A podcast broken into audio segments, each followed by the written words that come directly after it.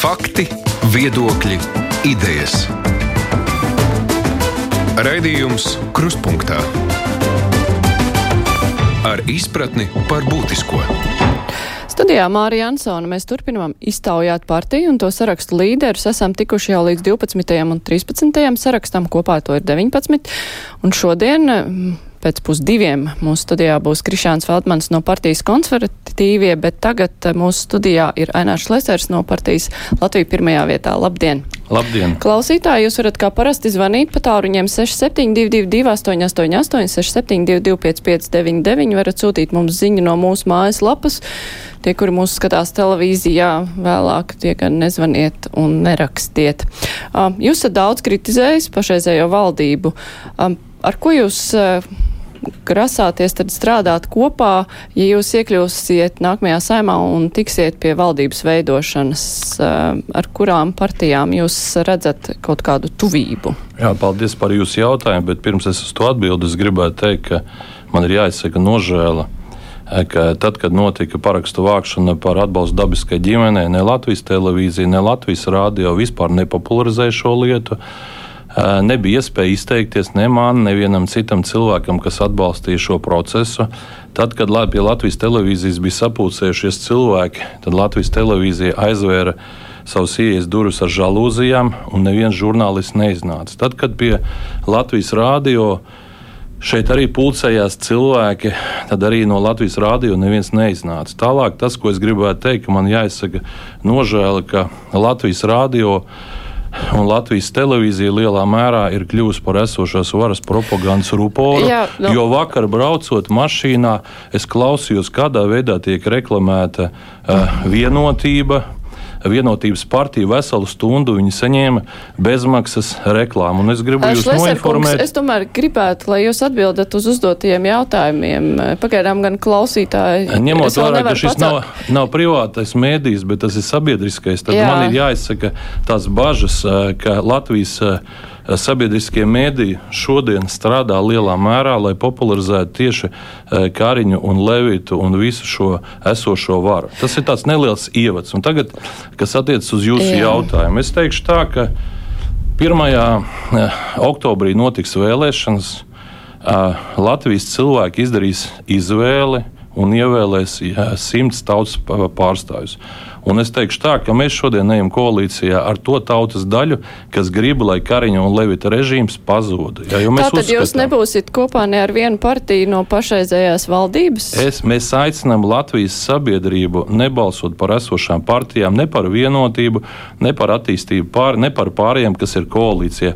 Tāds ir mūsu politiskais piedāvājums. Un tikai pēc tam, kad Latvijas tauta izdarīs izvēli, vai viņi ir apmierināti ar to, kas ir bijis pēdējos gados, par to, ka mēs esam sasnieguši 18 miljardus eh, ārējo parādu, tas, ka mēs dzīvojam un aizņemamies nevis pelnam, ja tikai tad mēs varēsim atbildēt, ko mēs darīsim tālāk. Patreiz mūsu piedāvājums Latvijas sabiedrībai un vēlētājiem, ka ir jāpadzen esošā vara, jo viņi jau ir pārāk ilgi aizsēdējušies savos krēslos. Klausītājs uzdos jautājumu. Labdien, varat uzdot jautājumu. Halo. Labdien, jūs esat ēterā. Halo.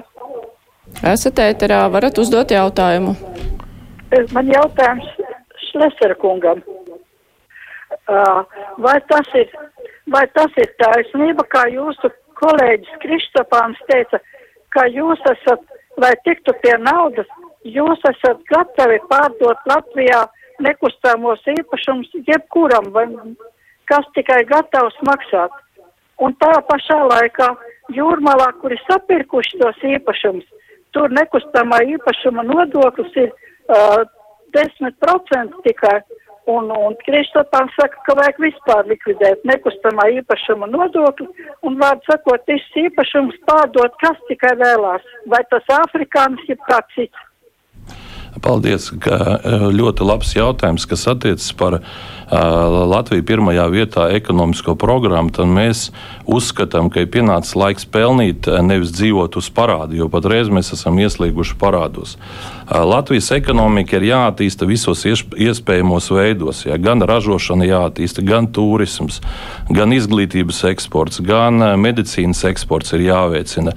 Vienlaicīgi mēs saprotam to, ka šodien situācija tāda, ka pagājušā gadā 17,000 bērni piedzima un 34,000 cilvēku nomira. Mēs zinām, ka tā jautāja par jā, jā, jā, atbildēšu, jā. Un ņemot vērā to, ka eh, šodien tā oficiālā statistika parāda, ka Latvija var palikt bez cilvēkiem, ja nekas nemainīsies 2100. gadā Latvijā dzīvos tikai pusmiljons iedzīvotāji, tā ir oficiālā statistika, kādā veidā tendence patreiz virzās. Gan negatīvā šī demogrāfija ņemot vērā dzimstību, gan arī aizbraukšanu. Šodien ir jārada darba vietas visur, kur var. Kas attiecas par nekustamiem īpašumiem, tad es teikšu tā, savā laikā, jā, 2008. un 2009. gadā, tad, kad uh, notika finanšu krīze, tad, kad uh, būvniecības uh, uh, nozare nekustamā īpašuma nozare principā apstājās par 80-90%, tad es savā laikā tiešām ievies, nācu ar priekšlikumu, ka jāizveido uzturēšanās atļauju programmu, caur kuru mēs varam piesaistīt nevis imigrantus no trešām pasaules valstīm, no Āfrikas, piemēram, bet gan turīgus cilvēkus, kas ir gatavi šeit investēt nekustamā īpašumā, biznesā, kas ir gatavi uzturēties. Investē nekustamajā īpašumā. Uh, jā, bet caur šo programmu Latvijas ekonomikā ienāca 3,5 miljārdi eiro. Un šī nauda tika gan būvniekiem, gan attīstītājiem, gan īpašu, gan tiem, Būvnieki kam. Būvnieki un attīstītāji arī bija nevietējie. Piedodiet, lielākā daļa būvnieku Latvijā ir vietējie. Es zinu daudzus mēbeļu ražotājus, kas ir ražojuši to tālāk mēbeles, tālāk tirgotāji un daudz citu. Es uzskatu, ka laikā, kad mūsu teikt, demogrāfija ir ļoti negatīva, tad mums jādomā, kā piesaistīt kvalitatīvus cilvēkus Latvijai Latvijai. Jā, es atklāti pasaku, piemēram, IT biznesā mēs gribētu viens desmit tūkstoši cilvēkus piesaistīt. Piemēram, Bet, klausītāji vaicāja viedokli, vai jūs piekrītat Kristvānam par īpašumu pārdošanu? Es, es atbalstu sekojošo, ka tie cilvēki, kas ieguldīs Latvijas ekonomikā nekustamā īpašumā, mēs gribam izveidot jaunu programmu, kas ir patstāvīgā uzturēšanās atļauja.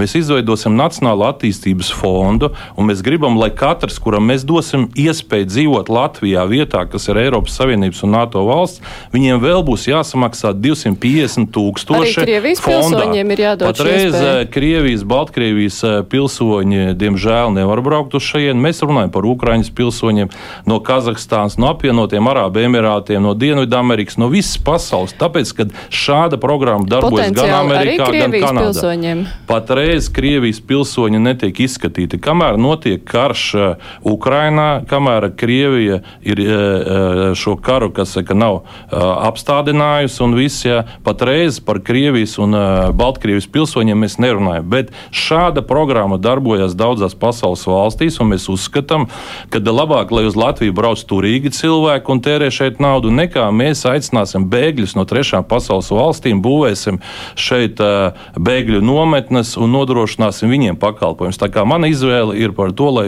Latvijā ieplūst nauda, bet vienlaicīgi izveidojot Nacionālo attīstības fondu. Mēs šo fondu izmantosim, lai atbalstītu tātad, bērnu dzimšanu. Tad 5000 eiro par katru piedzimušo bērnu mēs gribam finansēt savu šo programmu.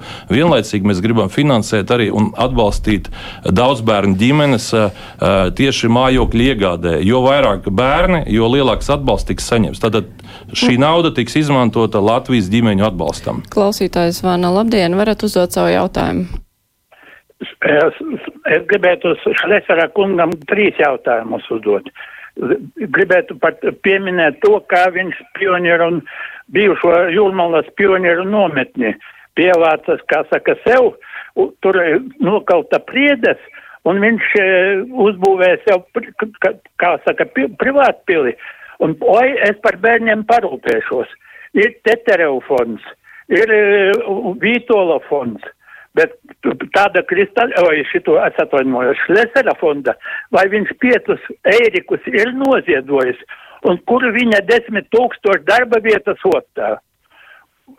Vispār, Ties, tad, kas- kas attiecās par jūsu piesaukto pionieru nometni? Pirmkārt, tā ir kļūdaina informācija. 99. gadā es kā privāta persona no Vācijas pilsoņa Igenberga par vienu miljonu dolāru tajā laikā nopirku īpašumu, kurā bija 45 grausti.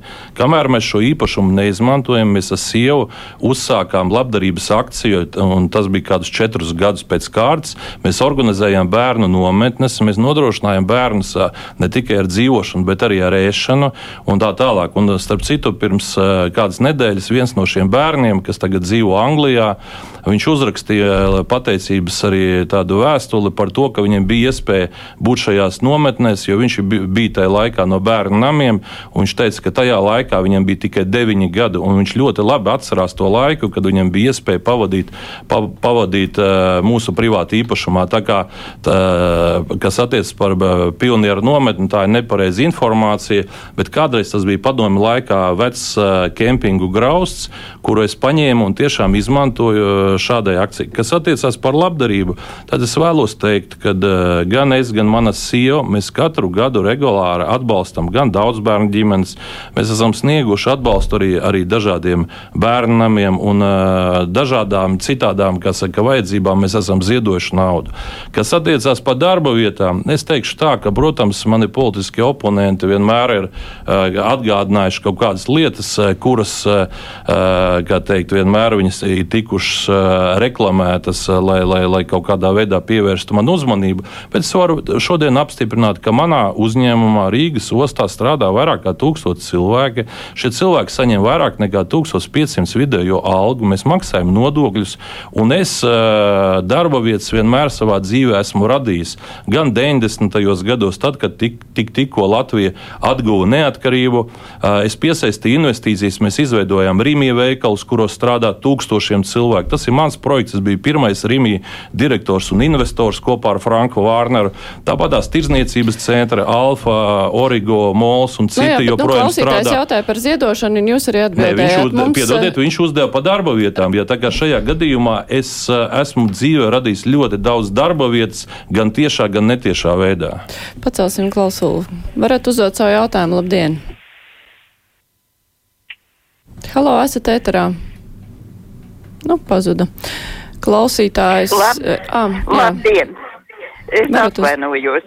Man ļoti interesē tāds, tāda lieta, kas savāca to naudiņu, ka likvidēja gaļas kombinātus, pienotavas, kokapstrādes, eh, visas eh, ierīces.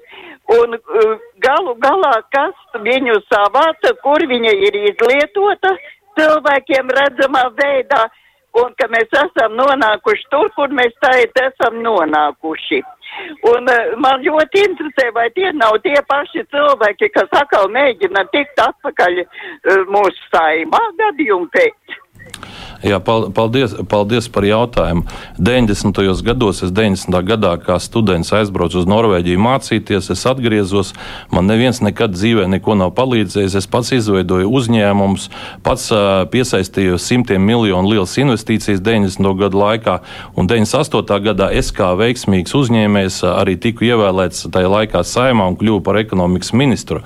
Uh, es neesmu, kas nevaru komentēt, uh, kā teikt, tos jūsu jautājumus par gaļas kombinātiem, visu pārējo. Tas droši vien ir jāprasa citiem. Bet tas, ko, kur man rodas šodien jautājums, tas ir jautājums, kur pazūd tie miljārdi, eh, kas ir aizņemti pēdējo gadu laikā. Eh, Kas notiek ar eh, slavenajām Pauļuta gultām 666 tūkstoši par vienu gultas vietu, kas ir iztērēta? Kāpēc mēs pērkam miljoniem vakcīnu un šīs vakcīnas pēc tam tiek sūtītas uz Āfriku, afrikāņiem?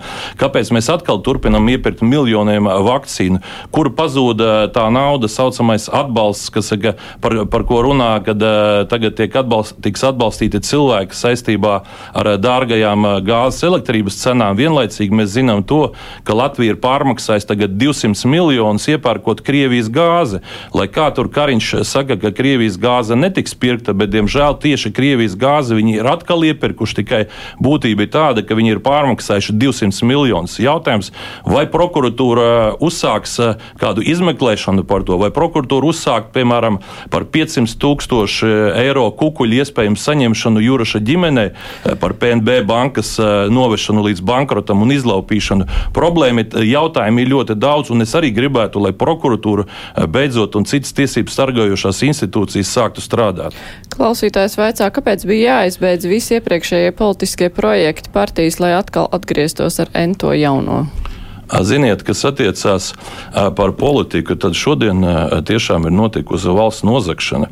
Esošā vara, kur atbalstas armija TLRT, kura šodien vada Klausītājs pre, jautāja par jūsu iepriekšējām partijām, jā. kurām turklāt es vienkārši redzot, kas notiek valstī, kādā veidā valsts attīstās, jeb dzīvos parāda, tas, ka valsts nepelna, tas, ka valsts neattīsta ekonomiku normāli, un tas, ka principā simtiem tūkstoši cilvēku brauc prom. Es uzskatu, ka es esmu cilvēks ar milzīgu pieredzi gan uzņēmējdarbībā, gan politikā. Jā, protams, arī man ir bijušas kļūdas, es to neatzīstu, bet atšķirībā no citiem, es esmu pēdējos 11 gadus nodarbojies ar uzņēmējdarbību. Tāpēc arī tās pieredzes redzu, dēļ tās partijas ir jāveido es, no jauna. Nē, es teikšu tā, man ir 52 gadi. Man ir pieci bērni, man ir arī pirmais mazbērns piedzimis. Es esmu jau vectētiņš.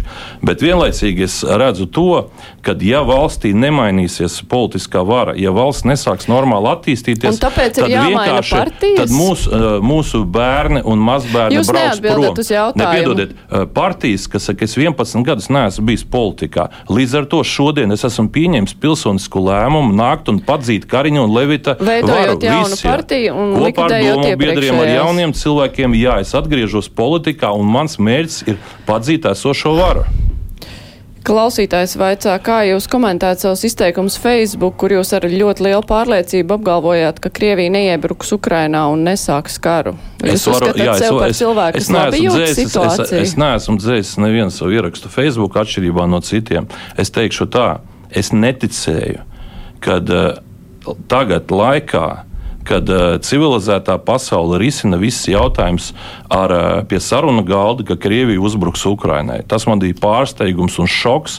Es biju pārliecināts, ka var notikt kaut kāda spiediena izdarīšana, var uh, tā kara darbība var lo, būt lokāli turpināties tur, kur tajā Donbas reģionā.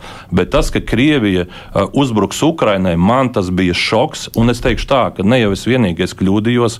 Es esmu klausījies ļoti daudz pasaules līderus un, un arī vietējos viedokļu eh, paudējs tādi, kas tiešām arī to pašu apstiprināja, ka viņi netic, ka uzsāksies karš. Izrādās, ka kara uz, uzsākšana tad ir ļoti neloģiska, bet ja kādam iegribās uzbrukt, un es uzskatu, ka tā bija liela kļūda, par kuru Krievija šodien maksā un maksās lielu cenu. Tāpēc jūs arī pirms kara tiražējāt Kremļa propagandu savos Nē, nekādā gadījumā tīklos. es neesmu tiražējis. Es vienmēr esmu teicis, ka mums jāzina viedokļi, to, ko saka CNN, to, ko saka BBC, to, ko saka Krievijas uh, mazsaziņas līdzekļi, lai mēs varam gudri izvērtēt informāciju, kuru mēs saņemam un paši pieņemt lēmumu. Es pirms uh, Krievijas iebrukuma uh, Ukrainā uzskatīju, ka Somija realizē gudru politiku, jo Somija ir ir arī kopīga robeža ar Krieviju, un viņa mācīja atrasties gan Eiropas Savienībā, gan arī sadarboties ar kaimiņiem. Diemžēl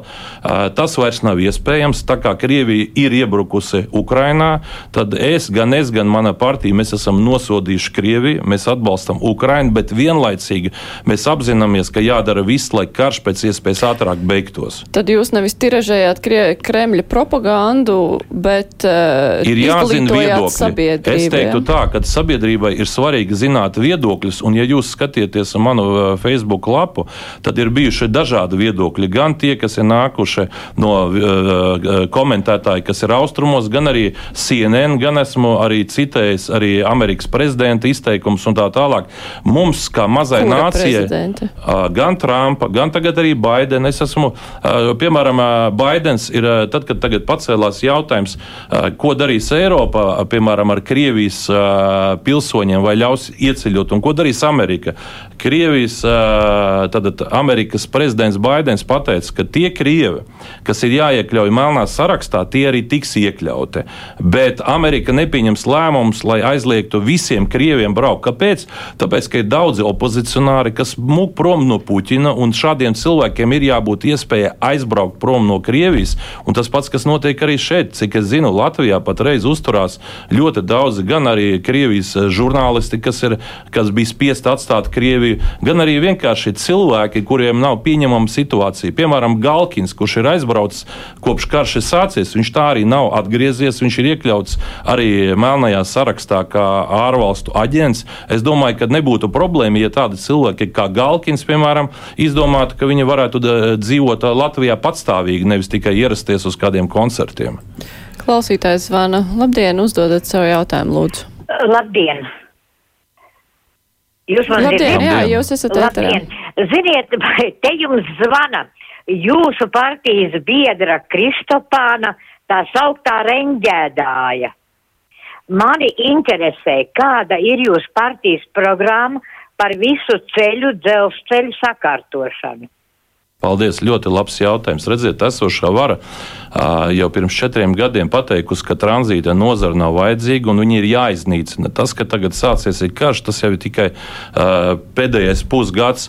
Manā laikā visās ostās apgrozījums bija 65 miljonu tonu kravu.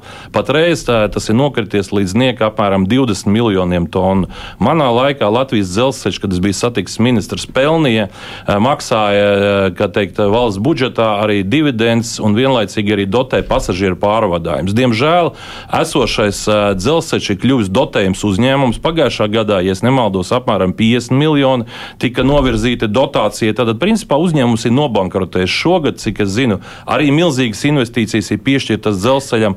Un mēs gribam uh, izdarīt visu, lai dzelzceļš netiktu iznīcināts. Mums ir trīs ostas - Rīga, Ventspils un Liepāja lielās tranzīta ostas. Nu, arī ir mazās ostas, bet es tagad gribu runāt par lielajām. Šajā nozarē strā, strādā desmitiem tūkstoši cilvēku. Un ko jūs piedāvājat? Jā, mēs, mēs vēlamies attīstīt ostas, mēs vēlamies joprojām attīstīt arī tranzītu. Un princips ir tāds, tās kravas, kas ir sankcionētas, kas nāk no Krievijas, skaidrs, ka mēs nevaram kraut. Bet tās kravas, kas nāk no Kazahstānas, Uzbekistānas, Ķīnas, tās mums ir jāapstrādā. Un šodien, cik es zinu, no Kazahstānas ir ļoti daudz kravas nāk uz Latvijas ostām. Patreiz Kazahstānā notiek liels biznesa fórums, uz kuri, uz kuru ir aizlidojuši uzņēmēji e, no, un ostu pārstāvji no vi, visām trijām lielajām ostām. Un es teikšu tā, ka mēs izdarīsim visu, lai Latvijas dzelzceļš atkal pelnītu, lai cilvēkiem būtu darbs, jo Latvijas dzelzceļš e, nosedz visu Latviju. Tātad e, gan Rēzeknē, gan Daugopilī, gan Rīgā, gan Jelgavā, gan, gan Ventspilī, gan Liepājā ir darba vietas. Mēs piesaistīsim kravas, mēs, mēs strādāsim, lai būtu darbs, jo vietējās kravas patreiz nespēja nodrošināt uh, to, lai mēs nosaktu visus izdevumus. Dzelzceļš, kas mums šodien ir, uh, mums jāpiesaista kravas, un šodien uh, Eiropa nav aizliegusi apkalpot, kā jau es teicu, uh, Āzijas valstu kravas. Kāpēc mēs nevaram ar Ķīnu strādāt? Kāpēc mums jāstrīdās ar visiem? Kāpēc ar Kazahiem mēs nevaram ciešāk sadarboties? Nu, jūs jau tikko minējāt, ka no Kazahstānas nāk klausītājs vaicā, jūs partijas biedrs Pļaviņš kritizē NATO vai plānojat izstāties? Latvijas, Latvija pirmajā vietā skaidri ir teikusi, mēs esam Eiropas Savienības valsts un NATO dalībvalsts. Tur nav alternatīvas. Un, mūsu partijā ir cilvēki atsevišķi, kas nav partijas biedri, bet kuriem mēs esam devuši iespēju piedalīties šajās vēlēšanās. Tieši starp citu tie biedri, kuriem pie Latvijas televīzijas un Latvijas radi, radio mājas, kā teikt, neviens nepievērš uzmanību tad, kad viņi nāk un protestē. Tad, kad viņi protestēja pie tā saucamā prezidenta Levita pils, tad šos cilvēkus sauca par salašņām, par dzērājiem, par narkomāniem, par, par visādos nepatīkamos vārdos. Viņš kandidē vēlēšanās. Jā, viņš kandidē. Jā, mūsu partijas pozīcija, mēs esam Eiropas Savienības un NATO valsts punkts. Bet, bet tas, ja kas... viņš iekļūs saimā un gribēs paust citu viedokli šajā, NATO, jau, tad viņš šajā, šajā jautājumā mūsu viedoklis ir vien, vienots partijai. Mums nav alternatīvas. Mēs nevaram būt neatkarīgi neatkarīga valsts ārpus šīm divām organizācijām. Bet tas, par ko es šodien varu jums izteikties, tas, ka mums ir jāaizstāv mūsu intereses. Piemēram, man bija iespēja tagad ar Pabriku debatēt. Nu, Kariņš nebija atnācis uz uh, premjera debatēm. Un bija jautājums par uh, to, ko darīt, ka vajag tomēr iesaldēt, samazināt gāzes, elektrības, uh, degvielas cenas. Es teicu, tas ir jādara tagad. Polijā jau par trešdaļu gāze, elektrība, degviela ir lētāka nekā Latvijā. Uz ko Pabriks teica, ka viņi gaida Briseles atļauju. Kāpēc mums jāgaida Briseles atļauju? Mums pašiem ir jāpieņem lēmumi. Ne visos jautājumos mums, mums ir nepieciešama atļauja no Briseles. Mēs tomēr Jautājums esam neatkarīgi NATO, valsts. Vai Pļaviņa kungam varēs būt savs viedoklis? Nē, nevarēs. Šajā, šajā jautājumā partijas būs partijas disciplīna. Šis jautājums nav ja, diskutējams. Un es gribu pateikt to. Ļoti bieži daudzi, kas saka, ir pārmetuši man, kad es uh, savā laikā vienmēr skatījos, kā, kādā veidā sadarboties ar arī austrumu kaimiņiem, bet es vienmēr esmu iestājies par Latviju kā neatkarīgu valsti. Un starp citu, 2004. gadā, tad, kad bija Induļa Emša valdība, es biju ministru prezidenta biedrs, un mēs parakstījām vienošanos par iestāšanos NATO. Es kopā ar Vairu Vīķu Freibergu vienojos savā laikā organizēt NATO samitu Latvijā, kas arī notika. Un visbeidzot, arī par iestāšanos Eiropas Savienībā es biju ministru kabinetā satiksmes ministrs, un mēs balsojām gan ministru kabinetā, gan saimā par iestāšanos Eiropas Savienībā. Tā kā, tā kā uh, š, mans lēmums jau bija pieņems uh, 2004. un 2007. gadā, ka Latvijai ir jābūt dalību valstī šajās organizācijās. Tieši pirms jūsu atnākšanas zvanīja klausītāji, gribēja uzdot jautājumu, vai tie laiki, kad jūs bijāt pie varas, vai tie bija labi laiki? Ziniet, es teikšu tā, ka es varu atskaitīties, ko es esmu darījis. Man nav kauns, ka manā laikā attīstījās lidosta, kurai eh, piecu gadu laikā par 700% palielinājās pasažieru apgrozījums. Tas, ka man izdevās piesaistīt Rainer un samazināt uh, avio biļešu cenas līdz pat 20 eiro no viena pasažiera, kas iepriekš nebija iespējams. Man nav kauns uh, teikt to, ko es esmu sasniedzis, attīstot visas Latvijas ostas, tā skaitā arī Liepājas ostu, ne tikai Rīgu un Ventspili. Un vienlaicīgi arī, uh, piemēram, ceļu būvniecība. Vienīgais ceļš, kas ir tagad ir uzbūvēts, tā saucamā kokneses šosei, tas ir mans lēmums, un manā laikā tas ir uzbūvēts. Nekas cits nenotiek. Nu, tagad ķekas apveceļu sāka būvēt, bet manā laikā tika uzbūvēts saukrasta apveceļš. Tas bija konkrēts lēmums. Diemžēl tā ir sanācis, ka kopš es neesmu politikā, neviens jauns ceļš Latvijā nav, nav nemaz uzbūvēts. Mm -hmm. Labi, es saku paldies. Ainārs Lesers partija Latvija pirmajā vietā bija šajā pusstundā kopā ar Latvijas radio klausītājiem. Mazs pārtraukums un kopā ar mums jau būs pārstāvis no partijas konservatīviem.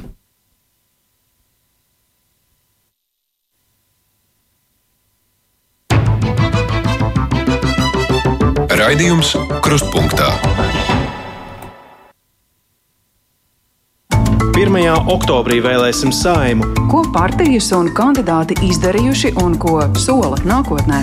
Klausies analīzi Latvijas radio ēterā. Turpinām raidījumu 6722, 888, 672, 559, ir tāluņa numurs studijā, varat zvanīt. Un šajā pusstundā uzdot jautājumu Krišjānim Feldmanam no partijas konservatīvie. Protams, varat arī turpināt rakstīt uh, savus jautājumus. Uz iepriekšējo saimu, labdien, Feldman, kungs, Labdien. jā. Uz iepriekšējo saimu jūs kandidējāt zem saukļa lielā mērā par tiesiskumu, par bezkompromisu tiesiskumu. Jums to izdevās realizēt, jo šobrīd nu, šis jūsu programmā ir zem septītā kārtas numura. Uh, mēs droši vien daudz atceras šo mūsu uzstādījumu, kas lielā mērā bija saistīts ar tā, tā brīža aktuālo situāciju, mēs nonākot saimā un arī dažus mēnešus pēc saimnes sasaukuma sākuma nonākot valdībā, nekavējoties ķērāmies klāt pie mūsu programmas izpildes tieši attiecībā uz tiesiskuma jomu. Droši vien daudz atceras, ka notika tajā laikā vairākas tautas sapulces 2018. gadā, kas bija vērsts tieši Um, nu, uzmanība tika pievērsta liela saucamajām rīdzenes sarunām, kur oligarhi tātad būtībā uh, organizēja to, ko varētu nosaukt par valsts nozagšanu, tās patiesajā nozīmē. Un, uh, tur, protams, uh, bija radušies uh, pamatoti jautājumi, tā skaitā par ģenerāla prokuratūras darbību un tā tālāk. Un, uh, Tātad, nonākot valdībā, Jānis Bordāns, tieslietu ministrs, nekavējoties arī nodrošināja nepieciešamo likumu izstrādi, lai mainītu regulējumu, tā skaitā, kā tiek atlasīts ģenerālprokurors. Eh, tas eh, notika ar lielām eh, cīņām, un tas tika panākts. Šobrīd valstī nu, ģenerāla prokurora ievēlēšanas kārtība ir mainīta. Tāpat varbūt kāds atceras, ka bija liela pretestība pret specializētu lielo korumpantu ekonomisko lietu tiesas izveidi. Ar valsts prezidenta Levita atbalstu arī šī iniciatīva ir veiksmīgi realizējusies, pēc manā rīcībā esošās informācijas piemēram, eh, korum, nu, aizdomās par korupcijas noziegumiem turētie, eh, tad, kad uzzina, ka viņu lieta netiks izskatīta, piemēram, kādā tālā reģiona tiesā, Eh, bet eh, gan nosūtīt ekonomisko lietu šai lielo korumpantu tiesai, eh, būtībā maina savu aizstāvības stratēģiju. Un es esmu dzirdējis par gadījumiem, kad noslēdz pat ir gatavi pat atzīties šajos gadījumos. Protams, tas ir tāds vairāk, nu, man gadījumā pastāstu, pastāstu informāciju no pastāstiem par kaut kādām lietām. Tā kā es domāju, ka šī, šīs lietas mums ir izdevies ieviest. Bet nu, tas praktiskais rezultāts ir. Jūs pieminējāt uh, oligarhu sarunas, bet uh, sarunu dalībnieki gan, uh, nu, kurš kandidē uz saimnes deputātu, kurš uz uh, premjera amatu, nu, viss notiek. Nu, ir nedaudz interesanti šajās vēlēšanās par spīti tam, ka 18. gadā Um, nu, sabiedrība pieprasīja lielā mērā, lai arī premjeras kandidāti tomēr būtu sarakstos. Mēs jau zinām, ka esošais premjerministrs toreiz nekandidēja vēlēšanās, un pret to bija Eh, daļa sabiedrība arī nu, izrādīja nesapratni. Šo, šogad es vēroju, ka eh, liela daļa eh, premjera, nu nevis liela daļa, bet ir vairāki tādi redzami prem, saucamā, saucamie premjera kandidāti, kuri pat vēlēšanās nepiedalās. Nu, man ir, nu, vismaz mūsu gadījumā, konservatīvo gadījumā, tad Jānis Bordāns pirmais numurs vidzemē, tad, tad arī esošais premjers kandidē vēlēšanās, un tas ir, manuprāt, diezgan būtiski, ka tiek tiek arī uh, cilvēki, kas pretendē uz augstiem amatiem, iziet caur šo vēlēšanu. Nu, jā, bet nu, tas šobrīd nenotiek. Bet, uh, nu, ja mēs salīdzinām ar iepriekšējām vēlēšanām, konservatīvie, kur iekļuva ar ļoti labu rezultātu, pašreizējā saimā tagad reitingi ir daudz sliktāki. Vai jums nešķiet, ka cilvēki varbūt ir tomēr vīlušies tajā, kā jūs realizējāt savu saukli bez kompromisa tiesiskums? Um. Es, eh, nu, pirmkārt, ir, tur ir vairākas komponentes eh, attiecībā uz reitingiem. Ja mēs runājam, pirmā ir, ka eh, mēs, kā daudz cilvēku, kas bija ienākuši politikā, nu, būtībā no tāda vidusslāņa pārstāvi no privātā sektora politikā, mūsu uzdevums un arī mūsu organizācijas biedri pieprasīja, lai diezgan konkrētās lietas, kas ir minētas mūsu 4000 zīmju programmā, tiek izpildītas. Un viena no tādām bija ekonomiskais plāns 3x500, kurš ir stājies spēkā no šā gada 1. jūlija, uh, un ko toreiz 2018. gadā vērtēja kā neiespējamu, kā neiespējamu izpildīt. Uh, līdz ar to, protams, lai panāktu, lai tomēr pierādītu, ka ir iespējams partijai precīzi izpildīt iepriekš definētu solījumu, nu, bija zināmas cīņas, un tā skaitā arī nepieciešam, nepieciešams pārliecināt koalīcijas partnerus, ko, ka, kas dažbrīd var izskatīties kā tāda nu, kašķēšanās. Un es zinu,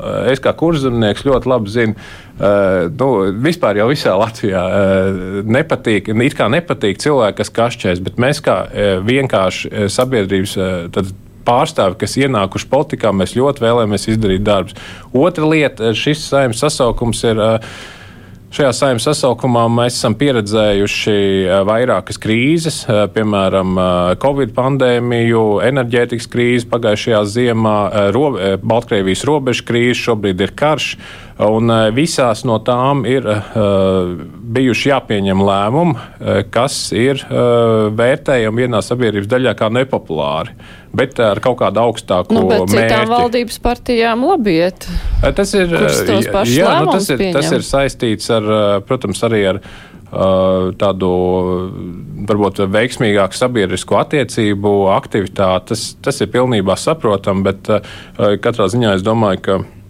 Un, un es, es izprotu, kāda ir tā situācija, bet nu, jebkurā gadījumā nu, šis saimnes sasaukums droši vien ies vēsturē ar tādu nu, diezgan daudziem nepopulāriem lēmumiem, kas ir bijuši jā, jāpieņem uh, kaut kāda augstāka interešu vārdā. Klausītājs raksta, konservatīviem ir vairāk sociāldemokrātu vai populistu partijas programma, jo vēlas dalīt sociālos pabalstus uz valsts parāda rēķina. Nav ideju, kā papildināt valsts budžetu.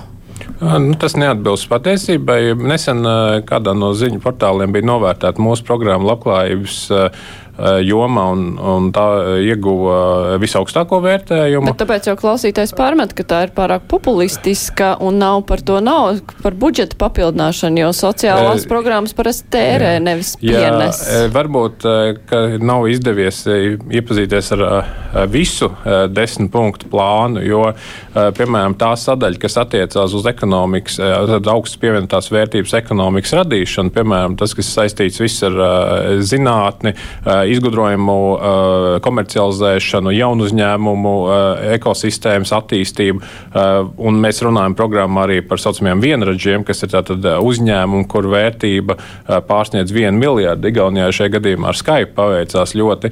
Tas viss ir mūsu programmā, un tas ir tas veids, kā Latvija, kā, varbūt nu, Latvija kā valsts, kurai līdz šim nav tik dažādās jomās veicies, varētu tomēr ekonomiskā ziņā eh, iz, izlausties no tā, ko ekonomikā sauc par eh, vidēju ienākumu slazdu, un kas šo, uz ko šobrīd strādā aktīvi gan Lietuva, gan Igaunija. Nu, īpaši Igaunija ir eh, attīstot digitālo, nu, tad, šīs informācijas tehnoloģiju nozari, attīstot ļoti aktīvi.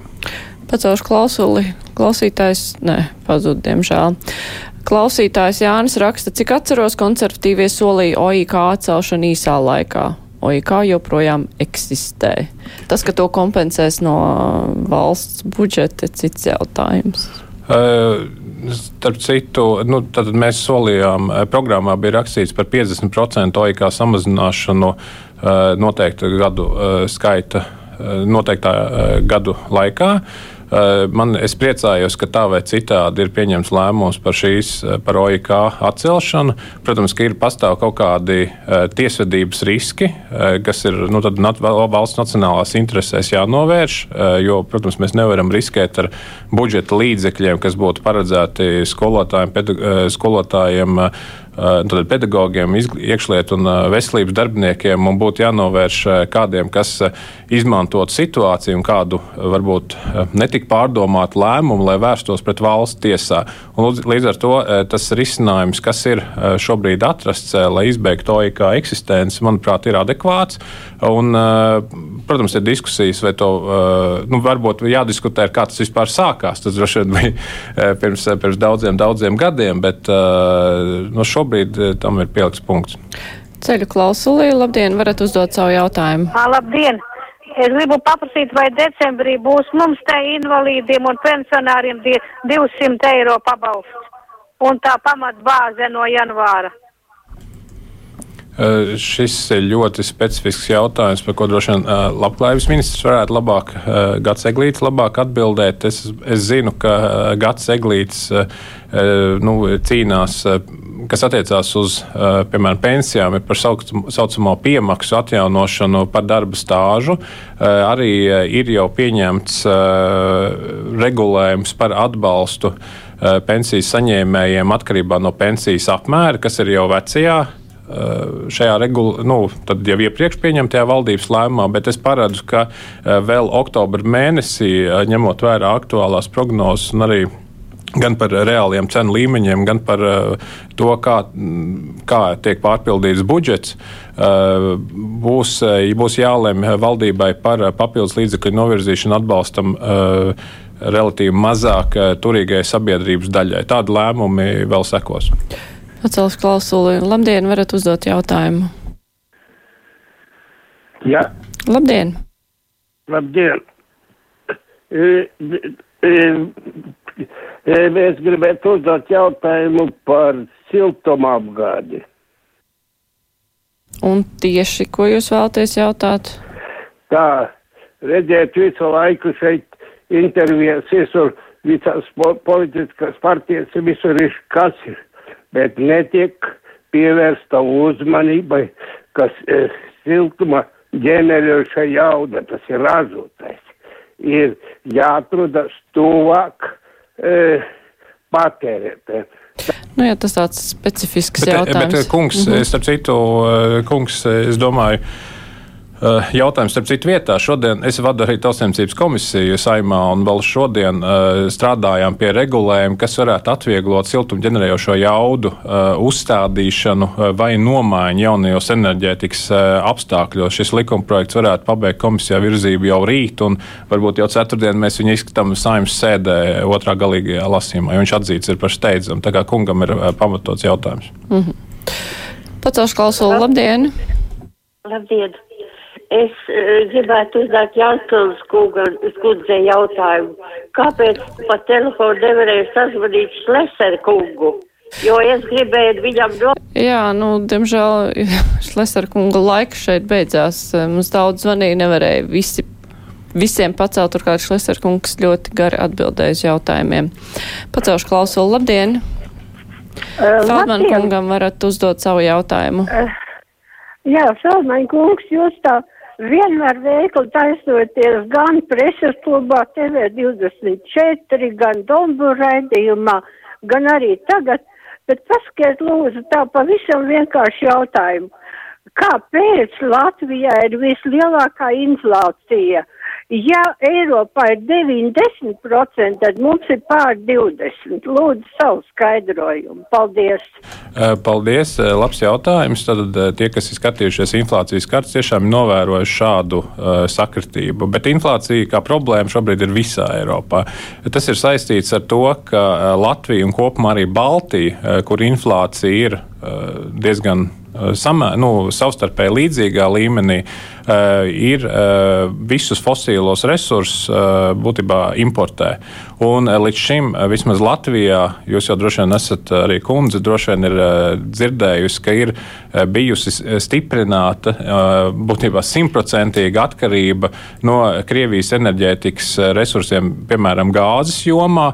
Tāpat arī, protams, visi naftas produkti ir uh, tikuši importēti. Un, ņemot vērā, ka mums nav fosilo resursu atradnes, uh, nu, droši vien tas arī īpaši nemainīsies. Bet uh, runa ir par to, kā, cik izmaksā loģistika un kāds ir reālais tirgus pieprasījums, lai šīs, šo enerģijas resursu plūsmu aizstātu. Un ņemot vērā, ka nav bijusi pievērsta uzmanība īpaši pašvaldībās, piemēram, uz apkuras pārēju, uz atjaunojamiem energoresursiem ļoti ilgu laiku, un dažas pašvaldības ir pat gan vai pilnībā bijušas atkarīgas no Krievijas gāzes. Eh, nu, šobrīd eh, ir eh, tās sekas ir gan inflācija, gan pietiekami lieli tarifi dažās vairākās pašvaldībās attiecībā uz, uz apkuru, kas vēl vairāk droši vien stimulēs inflāciju. Bet es gribu teikt, ka tā inflācija, kas ir Latvijā, viņa lielā mērā ir importēta inflācija. Tā nav patēriņa izraisīta inflācija kā tas bija piemēram 2008. gada krīzē. Un šobrīd, protams, kas, kas ir bumba valdības pusē, ir tātad viena tie lēmumi ir jau pieņemti par atbalstu iedzīvotājiem, bet nu, es domāju, ka oktobra mēnesī, es jau, es jau to teicu, vēl lēmumi būs jāpieņem. Kādi? Attiecīgi, gan par vēl līdz vēlēšanām varētu tikt pieņemts papildus lēmums par energoresursu cenu limitēšanu, tas, ko sabiedrībā dēvē par nu, faktiskiem energoresursu cenu griestiem. Bet, protams, šīs šie, šie cenu šie līmeņi pieļaujami un eh, cik tas fiskāli varētu eh, maksāt, par to, to vēl tiek domāts. Nu, kas attiecās uz konservatīvo programmu, eh, protams, ka ir sabiedrības daļa, nu, īpaši tie ir seniori, kuri ir, kaut gan šobrīd ir arī pensiju indeksācija, labklājības nu, gads, gads eglītis ir strādājis pie ātrākas pensiju indeksācijas, tas ir, tas ir labi, bet kopumā mūsu arī programmā, jo šis priekšvēlēšana raidījums jāpasaka, ka ir šis plāns 3x750 par vidējās pensijas palielināšanu četru gadu laikā līdz 750 eiro. Mūsu aprēķini liecina, ka tas varētu būt, tas ir iespējams un tas varētu notikt tieši uz mazāko pensiju pievilkšanu šim uh, nosacīt vidējiem uh, līmenim. Jūs jau arī zināt, ka pensiju indeksācija vairāk attiecas tieši uz tiem pensiju līmeņiem šobrīd līdz 500 aptuveni 30 eiro uh, apmēram. Pacaušu klausulu, labdien, varat uzdot savu jautājumu. Labdien! Es eh, vēlos pateikties eh, šai valdībai, gan jaunai vienotībai, gan konservatīvajiem, jo iepriekšējās valdībās eh, es, es esmu pensionāre, mēs saņēmām kapeikas, bet bija šīs valdības laikā mums tiešām bija lielas vienmēr pielikumi. Nu jā, tajā pašā laikā mm, tur ir cilvēki arī norāda, ka šis pēdējais pielikums, ka daudz ir pārāk sapriecājušies, ka nu, tālāk jau tā nebūs. Un pirms vēlēšanām nu, tas nebija tā drusku saistīts tomēr ar vēlēšanu tuvumu, lai cilvēkiem bija, bija konkrēti priekšlikumi, ka bija jāizmaksā pensijas indeksācija arī par vēl vienu papildus mēnesi, mēnesi uz atpakaļ, jo tas bija saimnes deputāta lēmums, bet indeksācija tā, kas ir šis vidējais līmenis 20. 23% apmērā, nu, tas, eh, protams, saglabājas. Tā, to, tā, kas ir pamata indeksācija, to neviens nevar atņemt. Nu jā, bet tas mānīgais iespējas, ka tas pielikums, ka tieši tik ar to atpakaļējošo datumu, ka tas arī būs uz priekšu. Nu. Nu, es saku par 23% pielikumu, cik nu tā, tā pensija mm. iepriekš bija, ar 23% vidēji katrs var, pensionārs var rēķināties.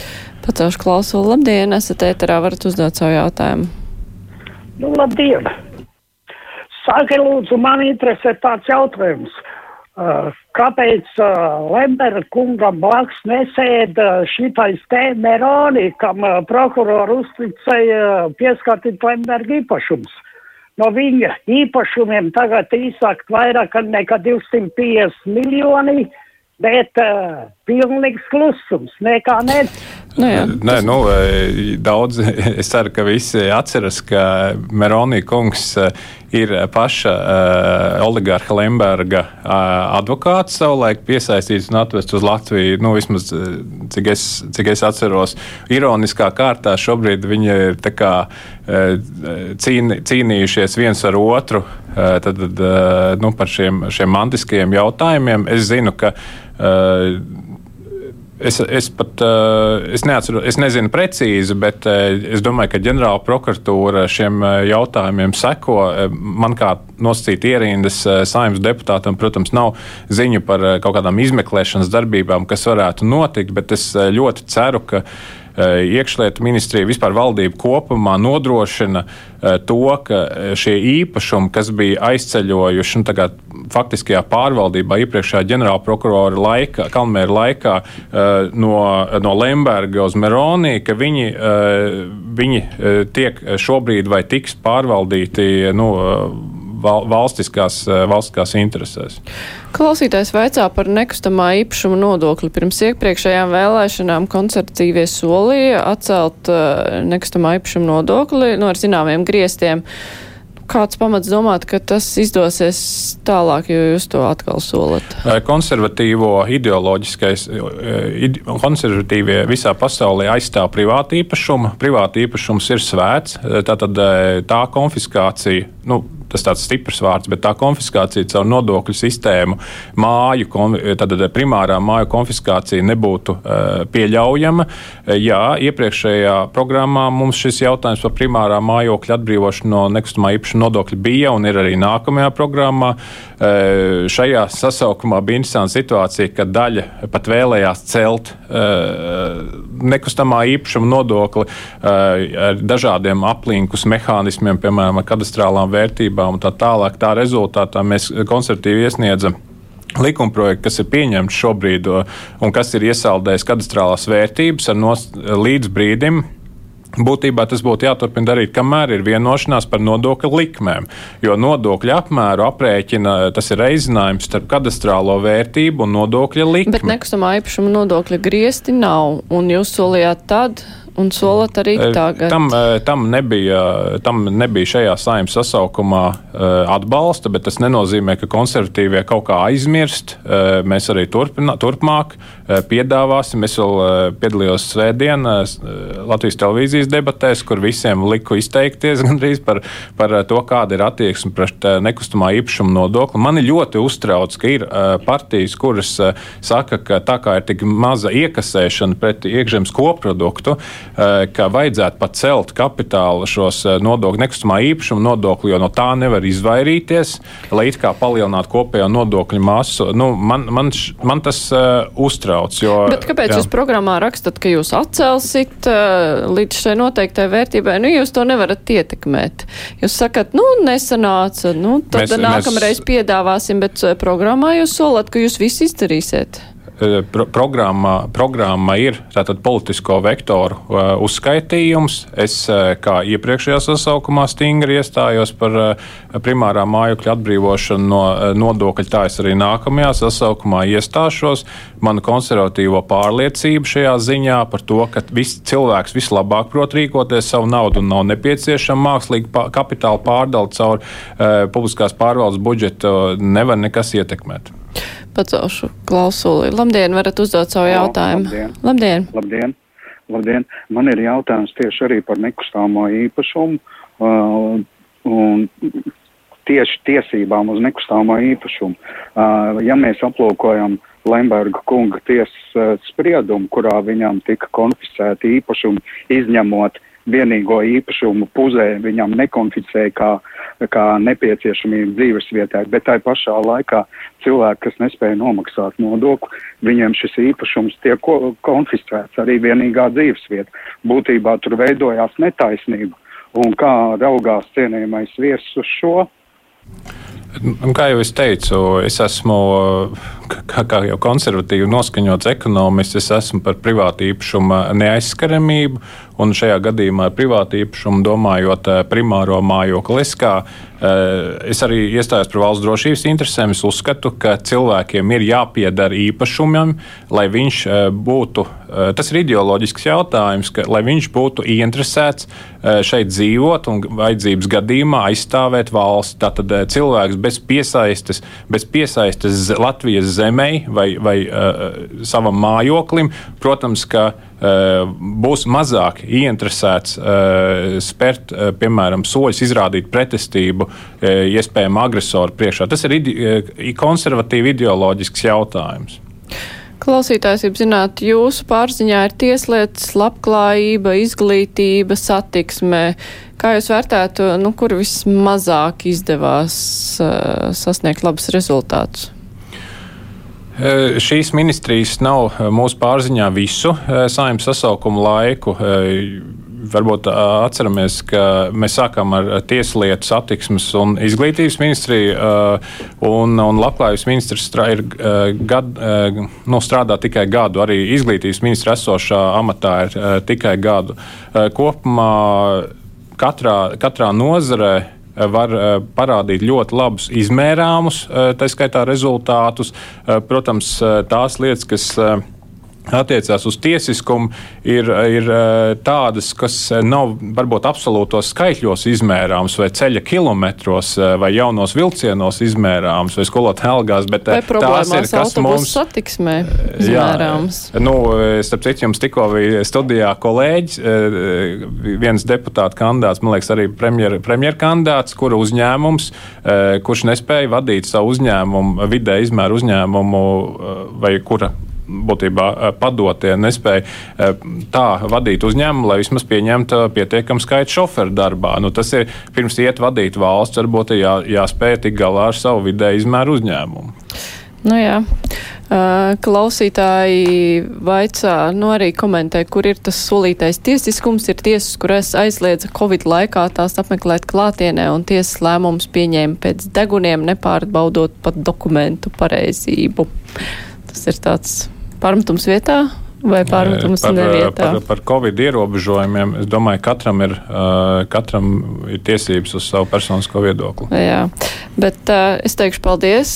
Krišāns Feldmans no konservatīvajiem bija šajā nepilnajā pusstundā kopā ar mums. Paldies klausītāji, kur uzdeva savus jautājumus.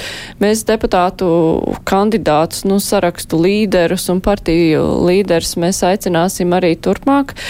Rīt kolēģis Aidis Tomsons iztaujās pārstāvis no saraksta katram un katrai, kā arī no saraksta progresīvie.